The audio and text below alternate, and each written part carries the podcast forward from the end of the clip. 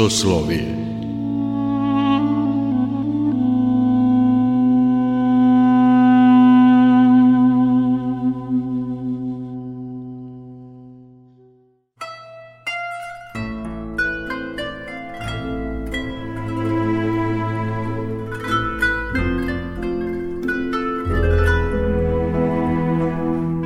Slušate Soslovije, religijski nedeljnik Radio Novog Sada. Dobrodošlicu vam želi Mirjana Ranković. Pravoslavni hrišćani proslavili su juče sećanje na vavedenje presvete Bogorodice. Vavedenje je jedan od pet velikih bogorodičnih praznika. Označava ulazak, uvođenje presvete Bogorodice u hram. Praznuje se 21. novembra po starom, odnosno 4. decembra po novom kalendaru. Marija je kao trogodišnje dete, u skladu sa zavetom roditelja Joakima i Ane, da će, ako dobiju porod, dete predati Bogu u hram, dovedena iz Nazareta u Jerusalim, gde je na samom ulazu dočekao otac Jovana Preteče, prvosveštenik Zaharije – Na ulasku u hram prvosveštenik Zaharije uveo ju je u svetinju nad svetinjama, najsvetlije mesto hrama iza druge zavese, gde ulaze samo arhijereji, i to samo jednom godišnje, na dan praznika očišćenja. Roditelji su tada prineli žrtvu Bogu, primili blagoslov od sveštenika i vratili se kući, a sveta deva Marija ostala je u hramu, gde je boravila devet godina.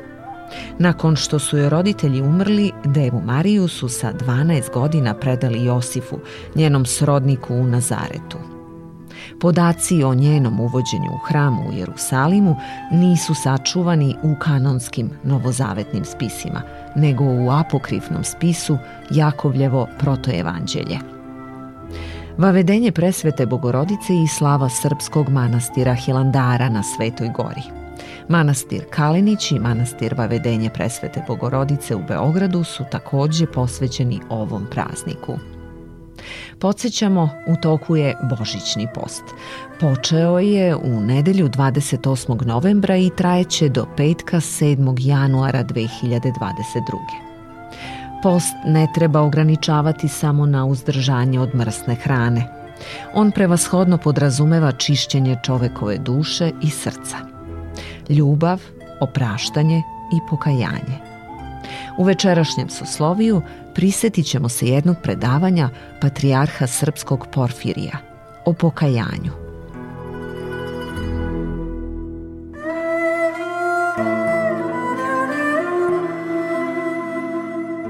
Koliko je pokajanje bitno i važno za čoveka, jasno se vidi iz svedočenja Svetoga pisma i svedočenja Svetog Jovana Krstitelja, a razume se i samoga gospoda Hrista. Pokajanje je toliko važno, toliko bitno za čoveka da sam gospod pokajanje dovodi u vezu sa Carstvom Nebeskim. Pokajte se jer se približi Carstvo Nebesko, jesu reči Evanđelja. Međutim, kada govorimo o pokajanju kao i o mnogim drugim kategorijama i vrednostima duhovnog života, mi ponekad nedovoljno duhovno razumemo teme koje se tiču našega života, a ponekad i sasvim pogrešno tumačimo. Tako i kada je reč o pokajanju, najčešće ili bar u početku duhovnog života, pokajanje posmatramo u juridičkim kategorijama, to jest u nekakvim zakonskim parametrima ili za nijansu u boljem slučaju u okviru moralističkog poimanja Boga i čovekovog odnosa prema Bogu. Da bismo ispravno razumeli temu pokajanja, neophodno je da pre svega bogodolično, autentično, pravoslavno doživimo i samoga Boga, a onda da na pravoslavan način protumačimo i razumemo i temu greha, jer je ona skopčana i povezana sa temom pokajanja. Naime, mi kada o Bogu razmišljamo, pa čak i onda kada mu se obraćamo, najčešće u Bogu vidimo nekog silnika, nekog moćnika, neko sveznajuće biće koje postoji ili da bi nas kaznilo, pa onda mi iz toga razloga pokušavamo da ispunimo ono što Bog od nas traži da ne bismo bili kažnjeni, ili pak u Bogu vidimo neko biće koje sprema za nas nagradu onda kada mi ispunimo ono što se od nas traži, to je kada ispunimo zakon koji nam Bog postavlja. Bog zaista jeste i sveznajući, i svemogući, i svesilni, ali Bog je pre svega i iznad svega, kako svedoči sveti apostol evanđelist Jovan, ljubav. I on se otkriva i kao sveznajući, i kao svemogući, i kao svesilni, pre svega upravo iz pozicije ljubavi. A da bismo na pravi način mogli da shvatimo šta to znači greh za nas pravoslavne hrišćane, moramo i zakon Boži, zapovesti koje nam Bog postavlja, da dovedemo sa Bogom koji jeste ljubav. To jest, kada razmišljamo o zakonu koji nam je Bog postavio, to jest o zapovestima Božijim, mi o njima moramo razmišljati upravo u kontekstu našega doživljaja Boga kao ljubavi. To jest, Bog se obraća čoveku ne zbog toga što hoće s visine, kao nekakav autoritet koji nema nikakvog odnosa i zajednice sa čovekom da postavi izvesna pravila po kojima mi moramo da živimo i onda kada ih ne ispunimo sledi nam odgovarajuća kazna.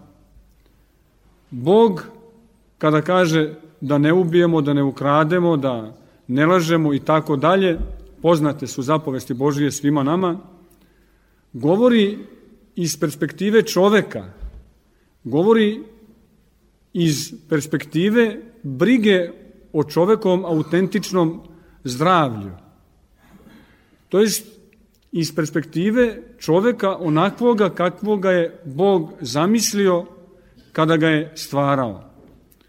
Drugim rečima, ako Bog kaže da ne ubijemo. On neće nama da zabrani nešto što nama tobož po prirodi pripada, nego upravo kao ljubav, on kad kaže nemoj da ubiješ, on nas savjetuje, to jest govori nam kako treba da živimo da bi naš, bio, naš život bio u skladu sa našom prirodom.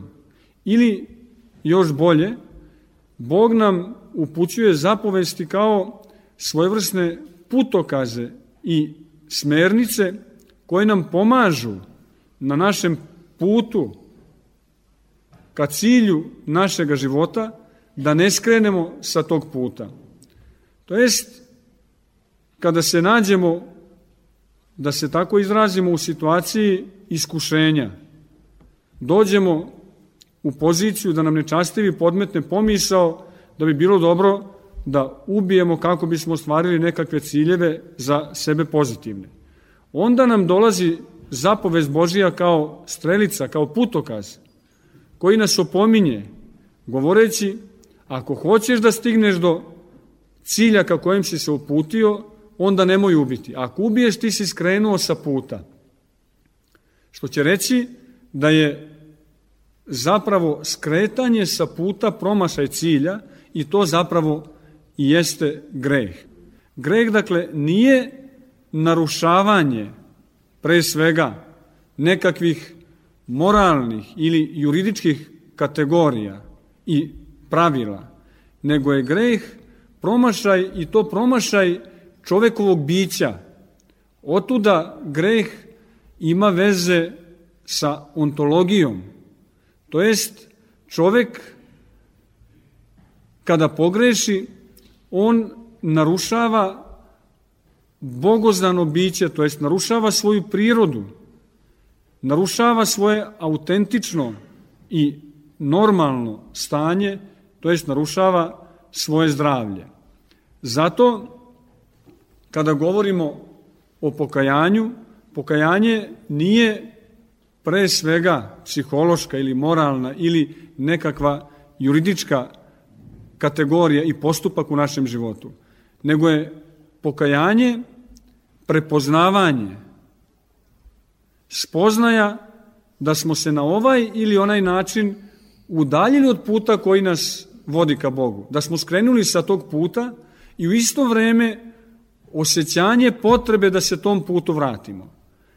Dakle, zato oci crkve pokajanje nazivaju radosnom tugom. To je tuga zbog toga što smo narušili svoje zdravlje, što smo skrenuli sa puta koji nas vodi ka Bogu, jer je zapravo Bog, zajednica sa Bogom, cilj našega života, ali istovremeno onog momenta kad osetimo potrebu da se vratimo tom putu, dolazi uteha blagodaću Božijom i mi smo zbog toga radosni. Zato pokajanje i nije jedno trenutno stanje, nego pokajanje treba da bude atmosfera našega života, to jest naše neprestano stanje, jer mi svakodnevno, kroz pomisli, kroz dela, kroz reči, svesno i nesvesno, odstupamo od puta koji nas vodi ka Bogu.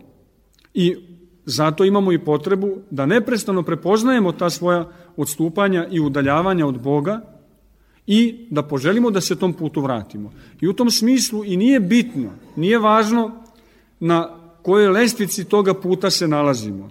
Ono što je važno, to je da budemo na tom putu. Nije važno ako uđemo u barku, u brod pokajanja, da li smo u potpalublju, na palubi ili pak u kabini za spavanje, važno je da se nalazimo u tom brodu i da se ne odričemo i ne odustajemo od atmosfere pokajanja.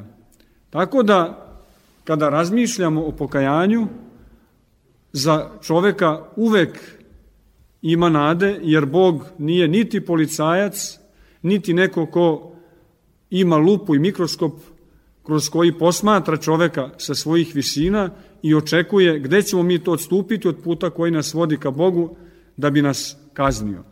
U tom smislu pokajanje se pokazuje za hrišćane, za pravoslavne vernike, kao jedini normalan kontekst duhovnog života. I u tom smislu je pokajanje nešto što je potrebno nama, što je potrebno čoveku, a ne Bogu, jer je pokajanje zapravo jedan neprestani preobraž, jedno neprestano odricanje od staroga čoveka u nama, od greha u nama i povratak Bogu. Pokajanje znači preumljenje, metanoja, to jest promjena uma.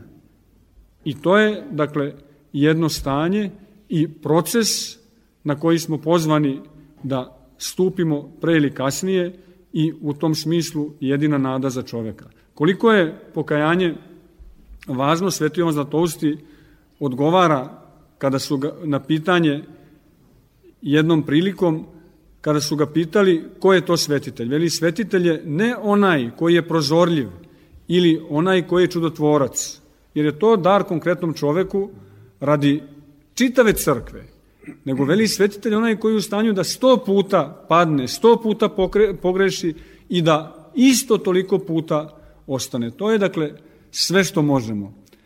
Ili makar da poželimo da ustanemo iz pada u kojem smo se našli. Neka bi Bog dao da i mi ovde sabrani koliko god puta padnemo, isto tolika puta ustanemo ili bar da se obratimo Bogu da nam pomogne da ustanemo, a i to obraćanje je već svojevrsno ustajanje.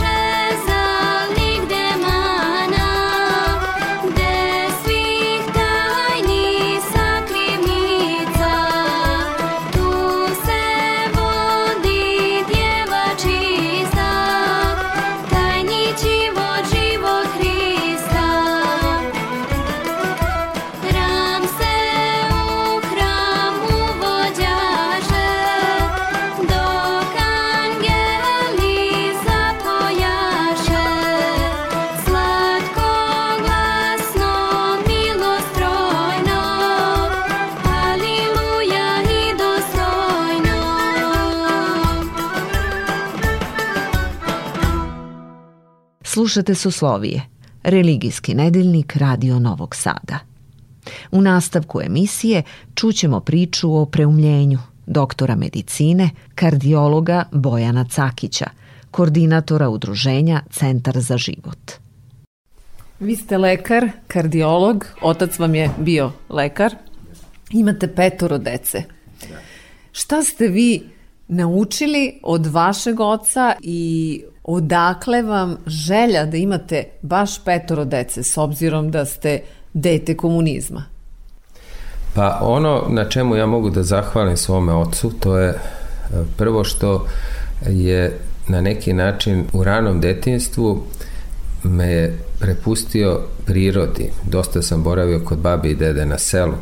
Upoznao taj, taj duh prirode i eto naš e, jednu da kažem pravoslavnu porodicu kako funkcioniše gde materijalno u suštini nije bilo mnogo važno. Mnogo su bitnije bile neke druge stvari u životu, taj odnos prema, e, prema drugim osobama, prema ljubavi, prema zemlji, prema svemu toj božanskoj tvorevini. Eto, to je nešto ovaj, što mu zaista zahvaljujem, ali takođe i odnos e, prema drugim ljudima, pravdoljubivost, istinoljubivost koju je on imao i koja je bila za njega izuzetno važna, odnos prema ljudima kao lekar gde se žrtvovao za ljude i na taj način kada neko teži ka istini i pravdi, on neminovno u životu, ako zaista teži, mora da dođe do jedine prave i večne istine, a, a to je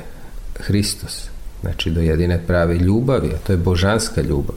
Do, da kažem, te božanske ljubavi i energije iz koje proizilazi sve ostalo.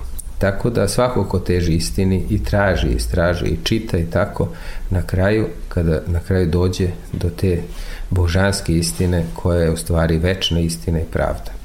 Tako da se duboko zahvaljam ocu i naravno majice na, na tome što su u porodici razvijeli takve stvari. Ta, iz toga naravno kada dođemo i na sreću moja supruga i ja na vreme u nekim studentskim danima smo ovaj, prepoznali važnost te ljubavi koje propoveda naša crkva, o stvaranja i obnavljanja te ljubavi u nama i svih drugih vrlina koje propoveda, tako da smo iz toga, mogu reći, ajde, na vreme ušli u bračnu zajednicu i naravno, eto, Bog nam je dao petero dece i mnogo prijatelja. Jeste vi odrastali u pravoslavnoj porodici? Šta su bile duhovne vrednosti koje su se propagirale u vašoj porodici? Pa evo, a, u to vreme komunizma, posebno u sredini gde sam ja bio, je a, crkva proganjana. Ja rekao sam u prvom delu da a, taj odnos prema crkvi, prema praznicima, Božiću, Slavi, Vaskresu i tako sam kod babi i dede ovaj video na selu gde opet e, selo je uvek bila sloboda kako god daje i siromašno ona je nezavisno od ucena bilo kakve vlasti, bilo kakve televizije i svih ostalih, da kažem, pojava prolaznih ovoga sveta, tako da je selo nešto što nas je u suštini i spasilo u tom vremenu komunizma, a u gradu gde smo živeli, to i moj otac je bio u toj komunističkoj partiji, čak je su hteli da ga izbace kada je otišao na venčanje crkveno kod svog pobratima. I onda je bio sastanak zaš kako je on mogao da ode u crkvu i tako dalje, tako da u, u Srbiji, u južnoj Srbiji gde sam ja živo je veliki progon bio svega što je crkva, za razliku od drugih delova nekadašnje Jugoslavije gde je to bilo slobodno. Tako da u stvari te, da kažem, bake, deke su i, i preneli nama ovaj, tu, da kažem, ljubav, tu istinu koja je vekovima održavala našu porodicu i e, njima smo zaista zahvalni. Kada ste vi postali pravoslavac? Pa, e, za vreme studiranja. Konkretno, kada? Kada sam slušao prvi put veronauku pravoslavnu u studentskom gradu, organizovano ciklus od 10 predavanja i tada sam u stvari shvatio šta je pravoslavlje, pre toga sam i čitao sveto pismo i tako, ali bez te žive reči i svedočenja e, i svedočenja naše vere, ovaj, teško se može, da kažem, samo čitanjem e, prepoznati šta je to u stvari pravoslavna vera. Eto, zahvalnost dugujem i mom prvom veručitelju e, Željko Latinoviću koji je uspeo da, da posvedoči iz svog primera šta je to ta božanska ljubav, e, šta je to šta su to svete tajne kojima nas uči ovaj, vera i naravno formiranjem te zajednice pravoslavnih studenta koje smo posle svi učestvovali, mi smo izgradili jedan odnos, da kažem, dublji, dubljeg prijateljstva iz koje su izašli mnogi brakovi posle toga i naravno gde su se mnogi od nas formirali da zaista budu stubovi i u svojoj porodici, ali stubovi vere da budu i u sredinama u kojima rade i žive. Da li i vaša supruga tako na neki način ušla u crkvu? Pa ona je pre toga, kod nje se više da kažem poštovala, ali više tradicija, a u suštinski u da kažem svet hrišćanstva, u taj svetotajinski život kako ga mi zovemo, je i ona ušla preko nakon veronauke i nakon da kažem boravka u toj zajednici pravoslavnih studenta gde smo nekoliko godina se zaista ovaj, družili, stasavali, sazrevali i obrazovali svoje ličnosti kako bi bile spremne za sve ono što nas čeka u životu. Da li postoji neki duhovnik koji je posebno, osim veručitelja Željka Latinovića, neki duhovnik ili neka svetovna ličnost koja je posebno uticala na vas? Pa ne znam šta da vam kažem. Mnoge ljude i mnogo, mnogo, mnogo sam čitao o, o, hrišćanstvu. Koje knjige? I Vladika Nikolaj, Ava Justin, zaista sada postoje i, na, i savremenici naši iz 20. veka, a, sveštenici sa svojim besedama, prosto a, naša svest, ja ne mogu da kažem ništa što imam i što kažem da je moje. Sve je to nešto što sam od nekog saznao, a, pokupio, ugradio u svoje misli, u svoju ličnost, tako da da ovaj, je to zaista jedno veliko bogatstvo koje mi imamo. Bogatstvo i u današnjem vremenu tih ljudi koji svedoče i svojom reči i svojom delom e, i svojim životom veru, naravno Sveti Sava kao temelj onoga što imamo i njegov život, svetli primer, da ne govorimo o životu mnogih naših svetitelja, o spremnosti njihovoj da čita svoj život posvete svome rodu, molitvi, ali i radu za svoj rod. Naravno, mnogi naši velikani, pa i doktori koji su ovaj, pokazali svoju jednu žrtvu u svakom vremenu i svestranost i ljubav i prema otačbini i prema crkvi.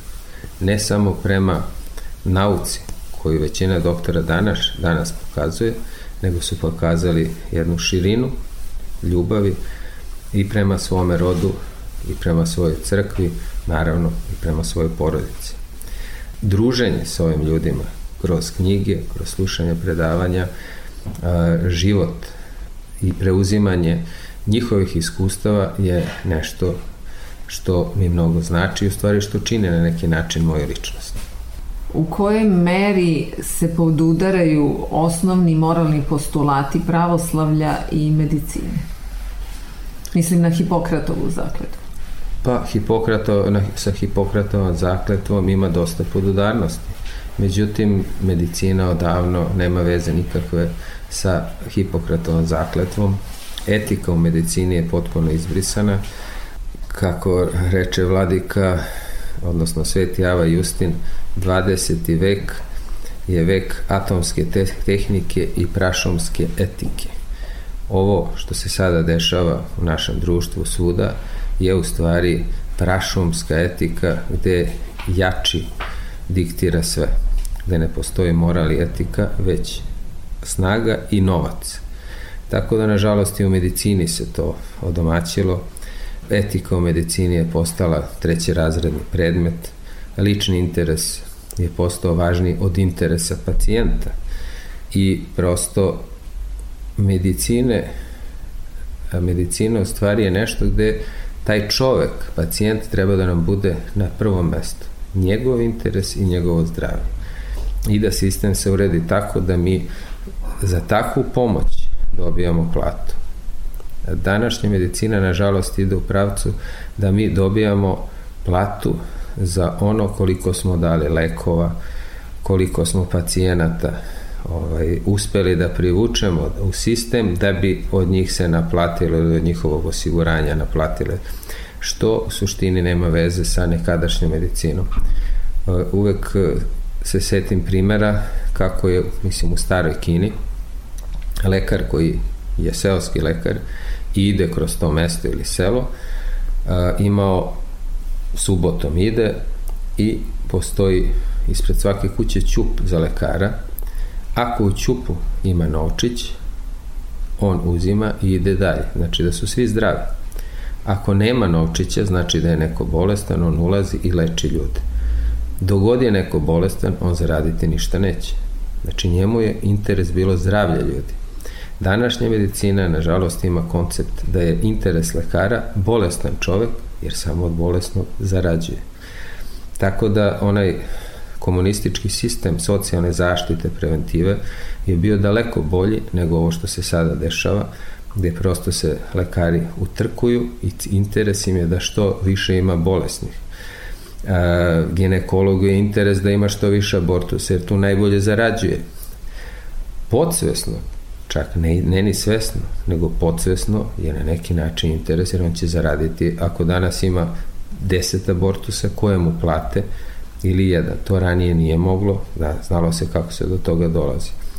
E, mnogo toga treba danas izmeniti da ne bi zdravlje stanovništva otišlo u sunovrat. Jer vidimo koliko zdravlje naših ljudi, posebno naše dece, je ugroženo i zato se potpuno treba promeniti koncept rada gde treba očuvati zdravlje, a ne skupljati stotine hiljada evra gde svakog dana za poneko dete se skupljaju stotine hiljade i milioni evra, umesto da se 1 milion evra odredi da se spreči bolest.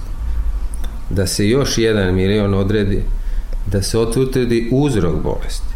Niko na tome ne radi, već samo na tome da se daju skupi lekovi i tehnologije. Tako da, ovaj, eto, to je cilj lekara koji žele taj hrišćanski pristup da u stvari pomognu ljudima da budu zdravi. Da zdravo žive pre svega, da se zdravo hrane, da zdravo misle, da imaju zdrav duh i onda će tu biti i zdravlje.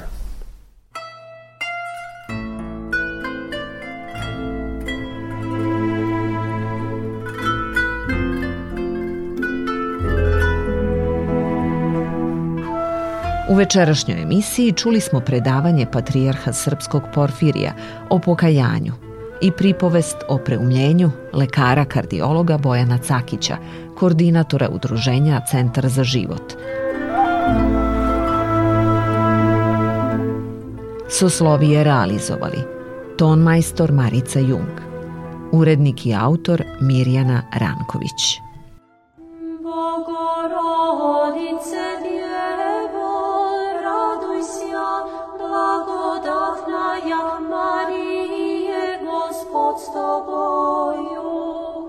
blagoslovena i blagosloven plod spasa rodila je. Bogorodice Djevo,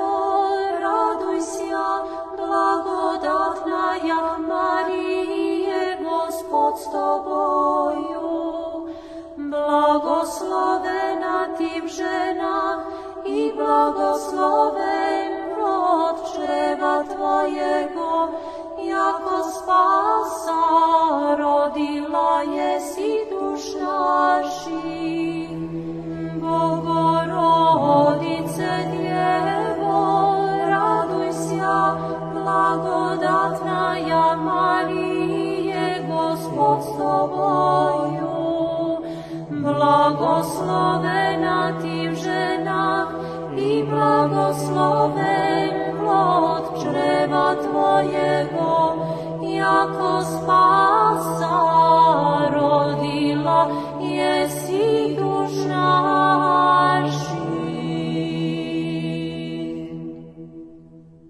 Radio Novi Sad